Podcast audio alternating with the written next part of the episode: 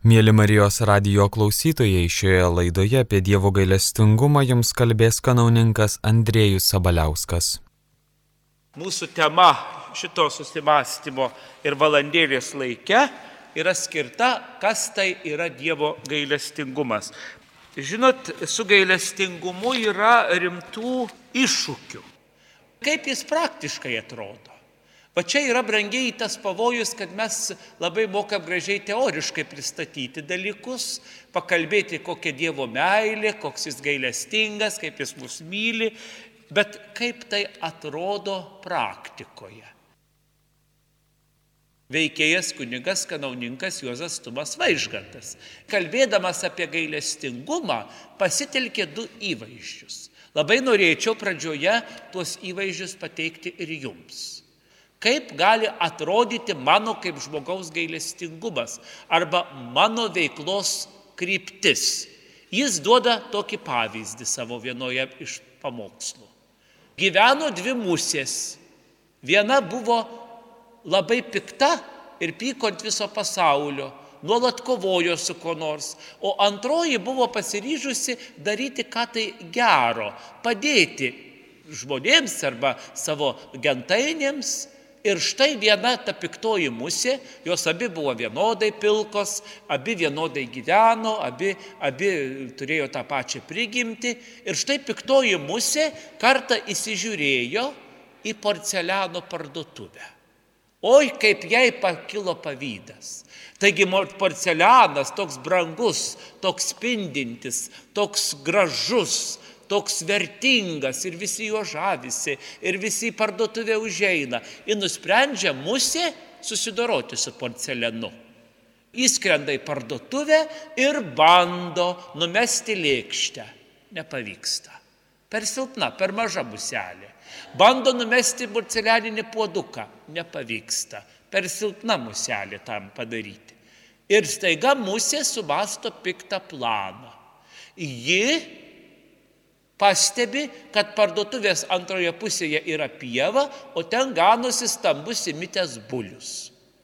Ir ką jis sugalvoja? Ji atskrenda prie to buliaus, įlenda buliui į ausį, zirzė ten zvimbė visai įkyriai, įkyriai laipioja ausimi ir taip toliau. Nu ir ką bulius daro? Purto galvą, siunta, šilsta, daužosi, išlaužia tvoras ir išeina iš to savo pievos, kurioje jisai ganėsi, išeina į gatvę ir ką jis pamato toje vitrinoje? Ogi save Įsiutusi bulių, antrąjį bulių pamato, dar labiau išsiunta jis visas suerzintas, įpuola jis į tą parduotuvę, iš, išdaužęs vitriną, įsiuntęs įlėkia į vidų ir išdaužo visą porcelianą. Piktoji musė pasiekė savo rezultatą. O antroji muselė kuriai rūpėjo daryti gerus darbus, štai ką jį galvoja, ką nors turiu nuveikti labai svarbaus gyvenime, bet per maža musė ką nors labai padaryti ypatingo.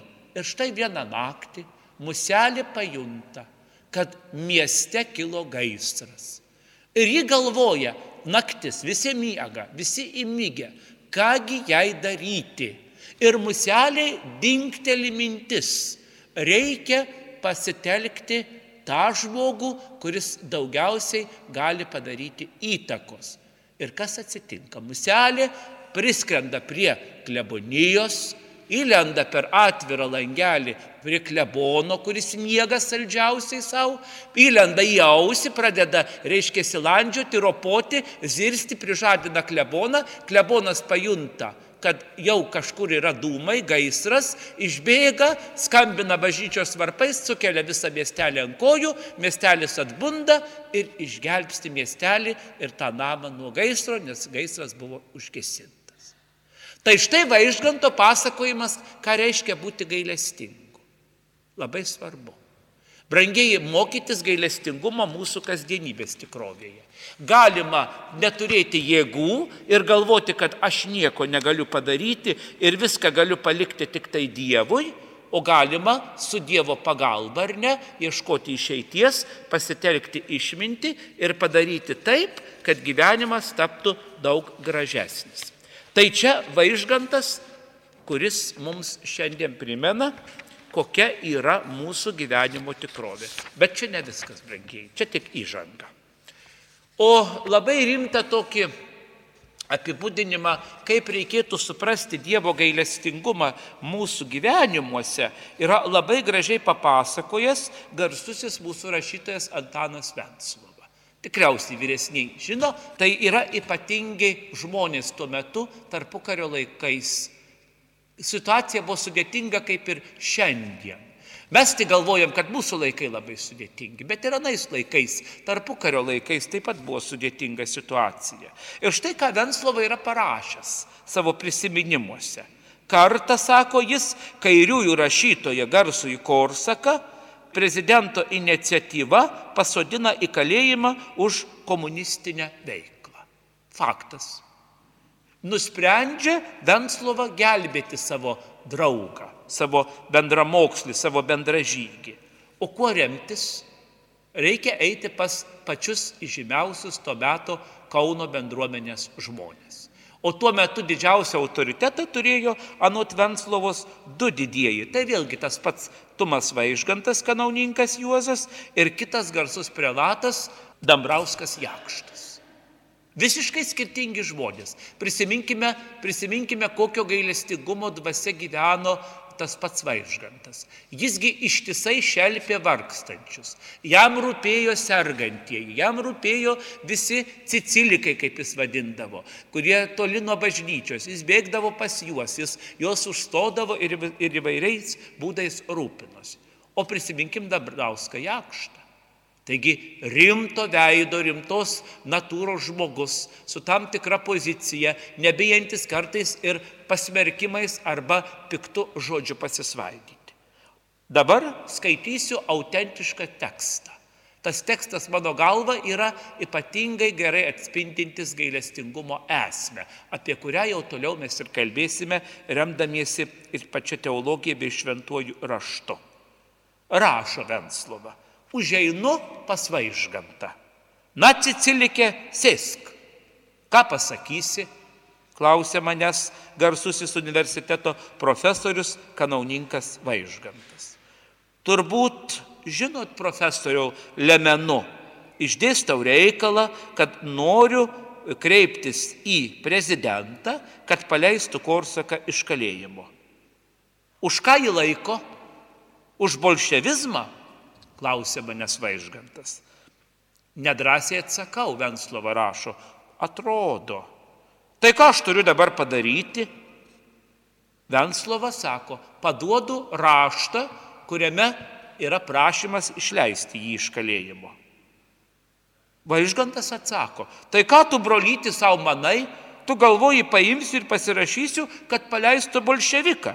Jį sušaudyti reikia sako man vaižgantas. Bolševikus reikia šaudyti panie. Apstulpstu rašo Venslava. Išpučiu akis. Vaižgantas, gerasis, kanauninkas, baltagalvis, visus mylintis, apkabinantis. Kunigė, negi jūs rimtai taip manote, klausiu jo.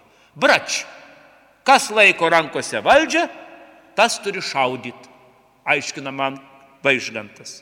Kitaip neišsilaikysi brolyti. Betgi jūs valdžios nelaikot, sakau kanauninkui. Ne, žinai, po prašymu aš nesirašysiu. Aš tautininkas. Ar supratai, ar aišku tau? Ir nepasirašo man po šito raštu rašo Venslova. Iškiūtinu kaip musė kandės iš garbaus kanauninkui, kurį tiek daug vilties buvau sudėjęs. Einu pasijakštą. Na galvoju, jeigu jau vaižgantas mane taip pasiuntė vos ne ant trijų raidžių, tai jau dabar iš šito stipraus prelato ir stipraus moralisto gausiu kaip reikiant barti. Paskambinu į duris. Duris atidaro mažutis, liesutis seneliukas ir pro akinius, pakėlęs galvą, tartum nustebęs, žiūri į mane.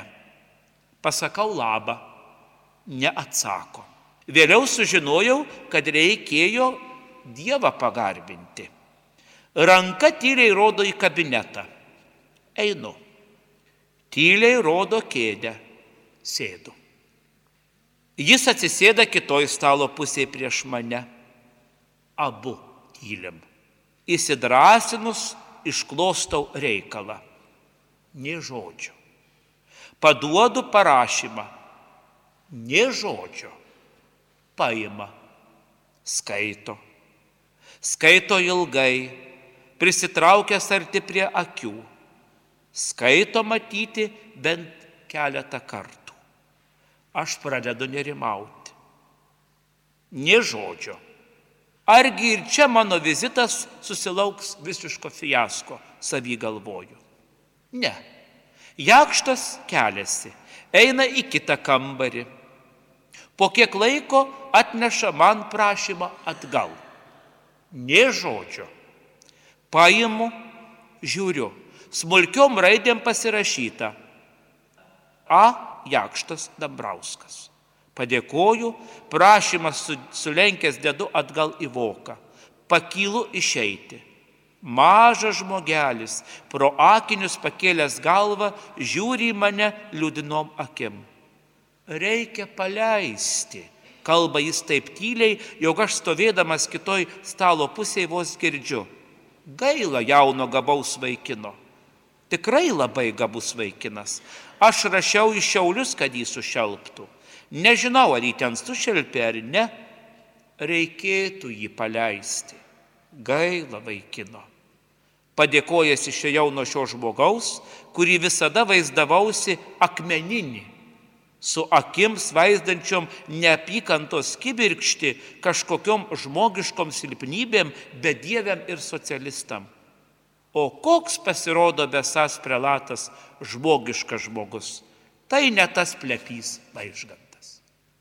Štai gailestingumas. Iš tikrųjų, brangieji, mūsų veikloje, mūsų darbų, su kuriuose labai mėgstam paplepėti. Popiežius Pranciškus, būdamas Lietuvoje, labai stipriai apie gailestingumą, kalbėdamas seserim vienuoliam, broliam vienuoliam ir kunigam, išryškino gailestingumo krypties trūkumą. Jisai sako, na štai, seserys ir broliai. Plepa, plepa, plepa, sakė jis. Dirbti, dirbti, dirbti reikia. Artumas reiškia gailestingumą. Kantrumas ir tyla reiškia gailestingumą. Šiame krašte, kur Jėzus apsireiškia kaip gailestingasis Jėzus, dvasininkas ir vienuolis negali būti negailestingas. Ypač tiem žmonėms, kurie yra suvargę gyvenimo kelionėje. Juk tą vargšelį žmogų jau pakankamai aptalžo gyvenimas.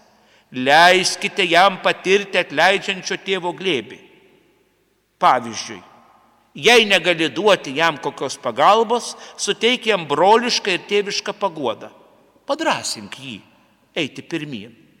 Patikink jį, kad Dievas viską atleidžia bet daryk tai su tėviška šiluma. Niekuomet nevyk nieko nuo savęs, nenuvaryk šalin. Žiūrėk, tu negali, aš dabar negaliu, bet Dievas tave myli. Tu melskis, sugrįžk ir pasikalbėsime apie gyvenimą. Šitaip, artumas. Tai yra būti tėvu. Negi tau nerūpi tas nusidėjėlis, kurį šitaip nuvėjai. Nekalbu apie tai, kas vyksta čia, nes jūsų nepažįstu. Kalbu apie įvairias situacijas. Taigi, jūs broliai seserys, būkite gailestingumo apaštalai savo aplinkoje. Tik tai be plepa, plepa, plepa. Čia ne mano, čia popiežiaus pranciškaus žodžiai. Cituoju iš kalbos sakytos rugsėjo mėnesį mums visiems, kurie buvome Kauno arkikatedroje bazilikoje. Na štai, tai dabar toks įvadinis yra dalykas, Na, o dabar, brangieji, yra jau rimtoji mūsų dalis, kad galėtumėm gerai įsimastyti į gailestingumo esmę. Pagrindinis dalykas, mano brangieji, kas yra gailestingumo pagrindas, kuris paliečia mūsų vidinę klodą, žmogiškąją prigimtį, kuri yra teisingumo prigimtis, o ne gailestingumo prigimtis, žmogus iškart nori padaryti tvarką iškart nori stuktelti, subarti, pamokyti, pastatyti į vietą, išaiškinti, pagrysti, nuteisti ir padaryti tvarką. O Dievas žiūri į visą tai kitaip. Daugybę gailestingumo apraiškų mes randame e, Evangelijose. Juk Jėzus Kristus Luko Evangelijoje sako, būkite gailestingi, kaip ir jūsų tėvas yra gailestingas. Tai vienas drąsiausių Jėzaus teiginių, mano brangieji. Ir kągi tai reikštų? Jau galėtumėm iš tų dviejų interpretavimo metodų susidaryti vaizdą, ką reiškia būti gailestingu savo tikrovėje. Tai reiškia, kad mano gailestingumas yra toks, iš kurio yra pažįstama Dievo meilė žmogui. Ir jeigu atsimintumėm, kiek yra palyginimų, kuriuose Dievas kalba apie gailestingumo esmę, tai suprastumėm, kad gailestingumas yra ne idėja, mano brangieji. Gailestingumas yra Dievo esmė. Arba tikinčio žmogaus gyvenime gailestingumas iš tikrųjų yra tas pagrindas, ant kurio statome savo tikėjimo esmę. Be tikėjimo, mano brangiausiai broliai seserys, neįmanoma būti gailestingu. Nes mes žinome psalmės žodžius. Dieve, padaryk mano širdį panašią į savo širdį, kad ji netaptų storžyve. Tai reiškia, tik tai tikėjimas padaro mūsų širdį pajėgę gaivinti santyki savo tikrovėje su atlaidumo dvasia, su gebėjimu matyti kitą žmogų kaip dovana ir kaip Dievo plano dalį. Juk ar būtumėm, skaitytumėm apie pasiklydusią avį, ar apie pamestą drachmą, ar apie sūnų palaidūną, ar apie du skolininkus ir skolintoją, ar apie gailestingą į samarietį, arba turtuolį ir vargšą lozorių, ar neteisingą teisėją ir įkyrę našlę, apie fariziejų ir muitininką šventykloje, jeigu skaitome šitą švento rašto vietas, taigi save atpažįstame, mėlyjeji mano, save. Kiekvienas save, juk kiekvienam iš mūsų yra būdinga pasielgti taip, kaip nereikėtų. Tai ir yra gailestingumo trūkumas arba tikėjimo darybės trūkumo išdava. Bet, brangiai mano, gimė žinome, kad Dievo gailestingumas pasireiškia ypatingų dosnumu. Atsiminkime didžiojo penktadienio liturgiją. Arba didžiojo verbų sekmadienio arba kančios sekmadienį skaitomas Evangelijas. Taigi šitas galvažudys, kuris kabojo šalia Jėzaus tikrai ne už gerus darbus, kai kai kas giriasi ar ne, iš politikų esu nuteistas už gerus darbus. Tikrai ne. Jis pripažįsta tai, jis tik tai nuolankiai kreipiasi į viešpatį, prašydamas atsimink mane savo karalystėje. Ir įsivaizduokite, Jėzus jam sako, aš tau pažadu, dar šiandien su manim būsi rojuje. Tai čia, brangiai, yra mūsų, mūsų gailestingumo dovana mūsų gyvenimui. Ir va, kaip tai tikroviai pasireiškia. Va, teoriškai labai gražu. Nu, va, ten Sopočka buvo, ten gailestingumas, ten seseliai Faustinai pats Jėzus kalbėjo, ten Jonas Paulius II charizmą turėjo šventasis gailestingumą, vėl girdėsim apie jį, o mūsų gyvenimai. Na, mes nei Sopočko, reiškia, nei Faustina, nors yra seselių vienuolių, ir, ir, ir nei, nei Jonas Paulius II, nei, nei kas nors, nu nesame. Pripažinkim, nesame. Bet gailestingumo apaštalais pakviesti esame būti savo tikrovėje. Taigi kaip gailestingumas tampa mūsų gyvenimo tikrovė. Bažnyčios tėvai sako, norint būti gailestingu, pirmiausia, reikia atpažinti save. O žinot, ką bažnyčios tėvai moko? Kaip tikrai žmogus tampa gailestingu. Yra pasakyta, reikėtų melstis kiekvieną dieną štai tokią maldą. Viešpatie Dieve, duok man jėgų atlikti darbus, kuriuos privalau. Duok man proto nedaryti tų darbų, kurių nereikia man daryti. Ir duok man išminties, kad atskirčiau vieną nuo kito. Jeigu tokia darybė ugdausi, tai tada ateina gailestingumo darybė į mano gyvenimą. Nes labai gražiai sako vienas bažnyčios tėvų, žmogus be gailestingumo darybės tampa kankintoju savęs ir kito. Nesvarbu, kad jis teisus, nesvarbu, kad jis ten viską gerai padaro, nesvarbu, kad jisai visokių darybių ugdosi, bet jeigu jis nesiugdo gailestingumo darybėje, jis tampa kankintoju, nes priekaištauja, aš jau du rožančius sukalbėjau, o tu, aš jau tą padariau, o tu, aš jau dviejas mišes išklausiau, o tu, aš sekmadienį šalau bažnyčioj, o tu, kankintojai, budeliai šitie žmonės tampa vieni kitiems.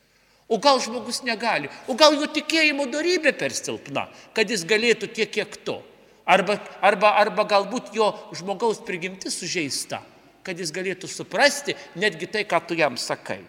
Tai tokia vidinė nuostata iš tikrųjų užaugina gailestingumo nuotaiką mūsų gyvenimo tikrovėje. Ir aš jums pasakysiu, brangieji, štai dirbau parapijoje klebonu, e, labai gražioj parapijoje, seselės Rozalijos gimtojoje, aš ją labai myliu, ten labai gražiai sekėsi. Ir štai didžiojo šeštadienio artėja naktinis būdėjimas. Žinote, vyresnėji, anksčiau dar buvo liturgija, kad reik, e, Velyknaktį būdėdavom prie Kristaus kapo. Prisimenate, seselė Rozalija palinkčios man galvą, jeigu, kad buvo tokia tvarka.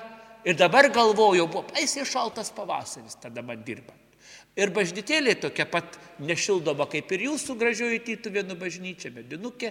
Ir dabar galvoju, nu tai ką man dabar vargšų daryti? Nušnekuosi su pamaldžiom savo moteriškiam patarėjom. Jos linguoja galvą ir sako, nu, nu beveik, kažin, gal nedarykim, kas čia teis klebo, nežinai. Nu, man vis tiek skauda širdį žinai. Ir berželis turi širdį, ir kunigai tame tarpe irgi turi širdį. Va, tai dabar galvoju, einu gatve kokiu tai reikalu ir matau eina. Pijokėlis, o dabar amžinybė iškeliavęs žmogus eina, taip truputį sviruoja, žinai, nestabiliai ant to žemės, mėto jį į visas pusės, bet man atėjo mintis, nugalvoju, paimsiu ir paklausiu šito žmogaus, o ką man daryti. Keistai atrodo, ar ne? Prieinu prie jo, pasisveikinu, sakau sveikas, visą ką jis mane atpažino ir sakau, žinai, turiu klausimą. O jis sukluso. Sako, klebonėlį sakyk, jeigu žinosiu, tau atsakysiu į tą klausimą. Sakau, va, artėja dabar didysis šeštadienis, reikia man žmonėm paskelbti tokia šalta, ką žin, sakau, ar verta čia būdėti prie Kristaus kapo, kaip pačiam atrodo. Nors jis niekada žmogus jau bažnyčios durų kaip ir nevarstė. Nu, gal Velykose jau ir ateidavo. O jis pasiklausė ir sako, žinoma, klebonėlį būtinai reikia daryti būdėjimą prie Kristaus kapo.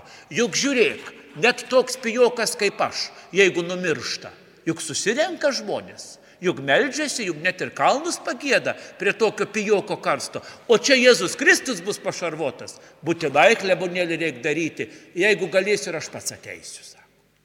Tai žinot, mane taip sumotivavo, kad aš pasakiau tokį gerą pamokslą ir labai gražiai pasisekė.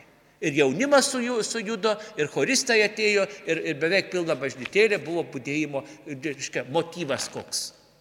O tu pasiklaus kito žmogaus, nu jis įvairiai pasakys, kiekvienas žmogus turi dalį su Dievu. Kiekvienas žmogus. Jis yra Dievo gailestingume panardintas per krikšto malonę, per sakramentinę malonę. Ir kiekvienas iš mūsų turime dalį Dievo gailestingume. Nebūtumėm kitai brangiai, neropotumėm šito žemės kelialiais, jeigu neturėtumėm dalies Dievo gailestingume. O ar mes atsiliepiame ar ne, tai čia yra kitas klausimas. Dabar toliau reikėtų dar pakalbėti mums apie gailestingumą kaip apie gyvenimo atspindį. Dabar bažnyčios tėvai, žinot, bažnyčios tėvai tai čia yra doktrina, teologija ir gili įžvalga. Reiškia, ypatingai išryškina vieną svarbų dalyką. Sako, gyvenimo išmintis ir gailestingumas pasireiškia tuo, kad žmogus turtingas yra ne todėl, kad turi, o todėl, kad jam užtenka tiek, kiek jis turi. Ir dabartinis pasaulis, kuris gyvena be gailestingumo nuotaikos arba be gailestingumo įsigilinimo, štai koks jis yra. Naujausia statistika rodo, kad praeitais metais nuo bado mirė apie milijonas žmonių pasaulyje. Na, nuo bado tai čia prasto maitinimuose, vandens trūkumo, dėl sausrų, dėl, dėl klimato kaitos ir taip toliau. O dabar noriu paklausti, brangieji, o kiek, kaip galvojate, ką statistika sako, kiek numirė nuo persivalgymo žmonių pasaulyje? Cėlį 3. 3 milijonai numirė nuo persivalgymo lygų. Nu, nuo nutukimo, ten, nuo, nuo per gero maitinimos ir taip toliau. Be gailestingumo gyvenantis pasaulis yra iškreiptas pasaulis. Nes tie, kurie persivalgė, jeigu būtų dalinėsi su tais, kurie neturėjo, būtų tie būtų sveiki ir gyvi ir tie būtų išlikę gyvi. Ir gyventų dar 4 milijonai žmonių vietoj to, kad jie išmirė. Štai kas yra brangiai gailestingumo nebuvimas mūsų pasaulyje. Arba dar vienas dalykas, kas yra gailestingumo nebuvimas, pavyzdžiui, žmogaus, e, e, sakykime, lygos atžvilgių, nejautrumo atžvilgių. Vėlgi statistiką noriu pateikti. Kiek galvojate, per praeitus metus statistiškai nusižudė pasaulyje žmonių? Kiek galvojate? Apie milijonas. Na, skaičiuojama nuo 800 tūkstančių ten iki 9 maždaug, plius minus statistiškai. Vėlgi, kodėl? Ogi pasirodo, kad didžioji dauguma savižudžių parašo laiškelį, jaučiuosi nereikalingas. Niekas manęs nemyli, niekas nevertina, niekas, niekam nesu neįdomus šitame pasaulyje. Galėtumėm sakyti, nu tai pats kaltas, tai daryk ką nors, tai kad čia lauki dabar, kad kas ką padarytų, bet brangiai ne čia yra išeitis. Tėvo gailestingumas kitaip yra traktuojamas mūsų gyvenime. Mes jį turėtumėm ar ne atpažinti iš dviejų skolininkų ir skolintojo palyginimo. Prisiminkime, kaip ten buvo, ar ne, kaip žmogus papuolė į liūdėsi ir, ir reiškėsi, kaip nusiminė ir kaip kiti atėjo prie to skolintojo prašydami, kad, kad reiškėsi, kad jį išvaduotų iš kalėjimo. Prisiminkime šitą vietą. Taip, Luko Evangelijos 7 skyrius 41-43 eilutė. Tai kas gailestingumas yra? Reakcija į aplinką į mūsų gyvenimą, ar ne? Neužtenka tik tai teoriškai suprasti, kad Dievas yra gailestingas ir jis visko pasirūpins. Mano darbai, mano gyvenimas turi būti atspindys. Taigi, dar vienas labai svarbus dalykas. Antras dalykas, kuris gyvenimo atspindys kaip gailestingumas, galėtų būti mūsų supratimas, kaip aš turiu kasdienybėje pamatyti savo gyvenimą, kuriame aš gyvenu. Kasdieninis santykis su Dievu ir santykis su nusidėjėliais. Tai dabar galėtumėm klausti, kaip čia tas turėtų atrodyti. O brangiai kasdieninis santykis su Dievu yra savęs atpažinimas kaip ta, kuriam Dievas dovanojo gyvenimą.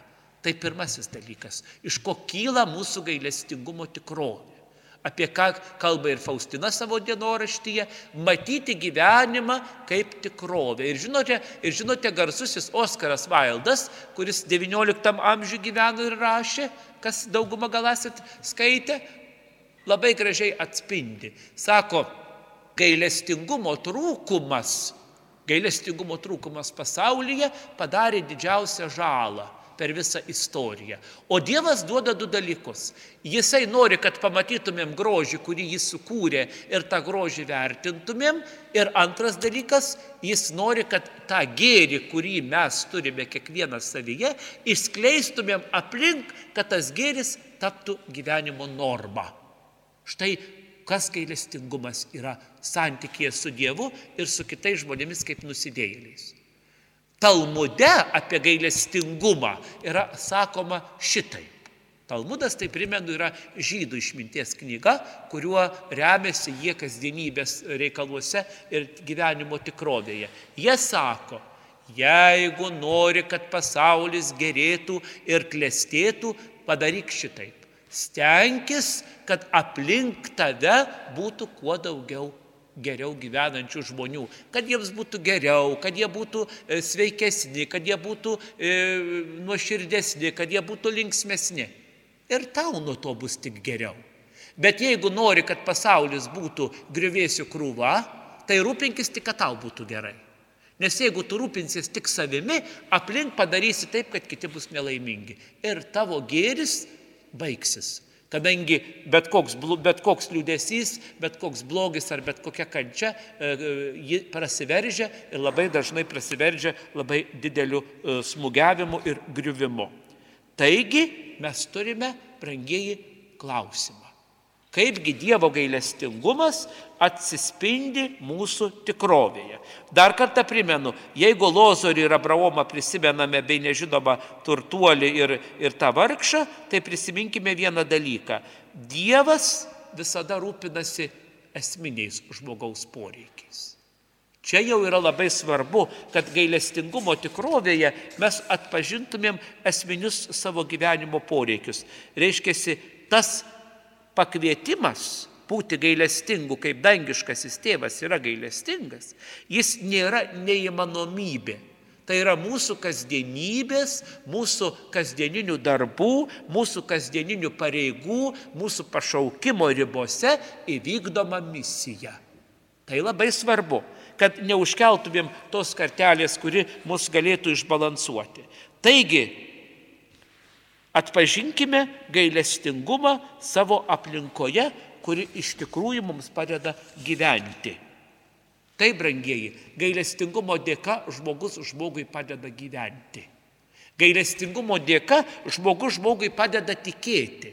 Gailestingumo dėka žmogus į žmogų žiūri kaip į dovaną, ne kaip į priešą ar į sudėtingą būtybę, kurioje tik atpažįsti tą, kuris tave gali varginti. Nebrangiai, neturėtumėm būti vieni kitiems nei vargo priežastimi, nei skausmo, nei liūdėsio priežastimi, priešingai. Turėtumėm kasdienybės ritme, gailestingumo šviesoje tapti pagalba vieni kitiems gyvenimui. Ar tai yra paprasta ir lengva? Nebrangiai, nėra nei paprasta, nei lengva. Tai yra didelis uždavinys ir savo jėgomis mes čia nieko nenuveiksime. Prisiminkime psalmės žodžius. Sako, bedievis yra kaip pelai blaškomi vėjo. Škai jie niekam neverti.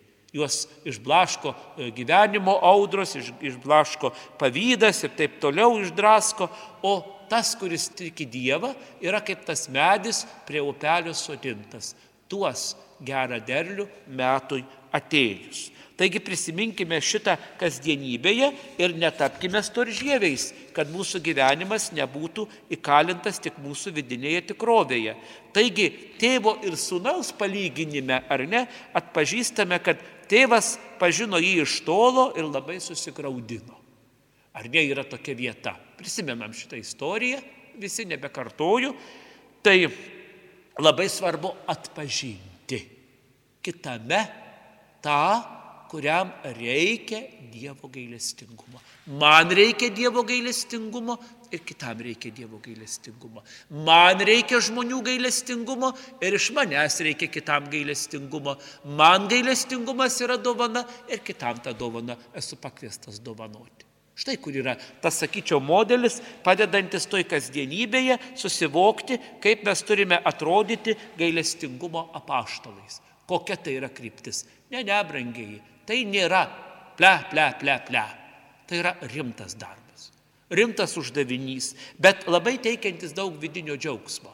Kadangi gailestingumo samprata turi ateiti iš mūsų vidinės kultūros, iš vidinio aiškumo, kam esu paskirtas šitoje žemėje, kokią misiją turiu atlikti. Taigi žmogaus širdis bedugnė, brangieji, o gailestingumas yra svarbiausias dalykas, kad toje bedugnėje jį surastumėm. Juk Kristus nekartai yra sakęs, iš geros širdies žmogus ima gero lobino daiktus ir duoda kitiems. Iš blogos širdies ima blogo lobino daiktus ir mėto juos į kairę ir į dešinę, neždamas kančią ir skausmą. Mes, brangieji, iš tikrųjų esame pakviesti būti samariečiais. Kasdienybėje pastebėti tuos, kuriems reikia mūsų pagalbos. Ir daryti gerą darbą ne dėl to, kad tai yra privilegija ar bus naudinga ir atlyginta, o dėl to, kad Dievo meilėje pats gyvenu.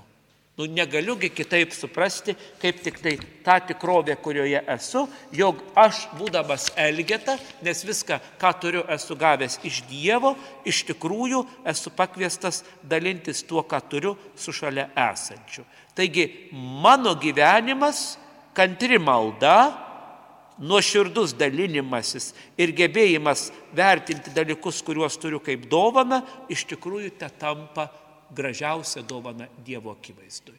Tai tokia yra žinia, brangieji, apie gailestingumą, kuris ateina iš Dievo ne kaip teorija, ne kaip koks tai mokymas, bet vidinė tikrovė, kurioje iš tikrųjų kartais, kaip tas jakštas, tylėdamas ir kantriai žiūrėdamas, galiu prisidėti prie žmogaus gyvenimo ir likimo pakeitimo. Tai yra mūsų kasdienybė, mūsų tikrovė. Taigi, brangiai, baigiant visai noriu pasakyti, kad gailestingumas yra iš tikrųjų dovana, kurią aš turiu paimti iš Dievo artumo.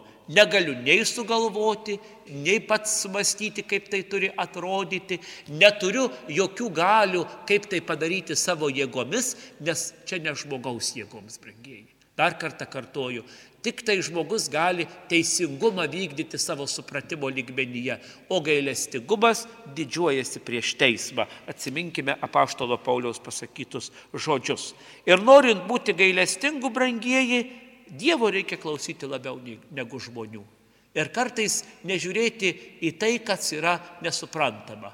Meilė, mano brangiai, dažniausiai neturi logikos kaip ir gailestingumas. Jis dažniausiai yra visiškai be jokios sveiko proto logikos, nes Dievui būdinga yra ateiti per atviras širdis, per tą nuširdumą ir neužkėtinkite širdžių, sako mums šventasis raštas, kad netaptumėte kitos skausmo priežastimi. Būkime gailestingi, kaip mūsų dangiškasis tėvas yra mums gailestingas klausykimės, mąstykime ir džiaukimės, kad esame pašaukti būtent į tokį gailestingumą. Ir stenkimės būti tomis muselėmis, kartais negalinčiomis nieko nuveikti be Dievo, bet su Dievu bendradarbiaudami darykime taip, kad pasaulis būtų gražesnis. Šioje laidoje klausėmės kanauninko Andrėjaus Sabaliausko, kuris kalbėjo apie Dievo gailestingumą. Likite su Marijos radiju.